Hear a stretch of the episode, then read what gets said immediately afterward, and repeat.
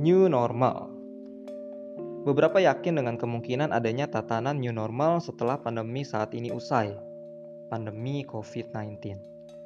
Prediksi bahwa bisa terjadi banyak perubahan kebiasaan di tengah masyarakat menjadi kebiasaan yang baru.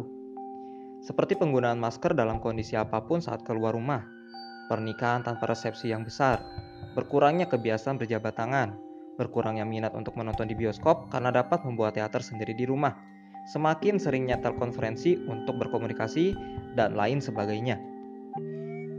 Tapi mungkin kecil persentase terjadinya new normal setelah pandemi ini usai. Karena saat ini saja masih sangat banyak di antara kita yang tetap berlaku sangat normal di tengah pandemi ini. Yang membuat sebagian kita khawatir pandemi ini sulit berakhir. Kata seorang kawan, new normal hanya untuk mereka yang taat.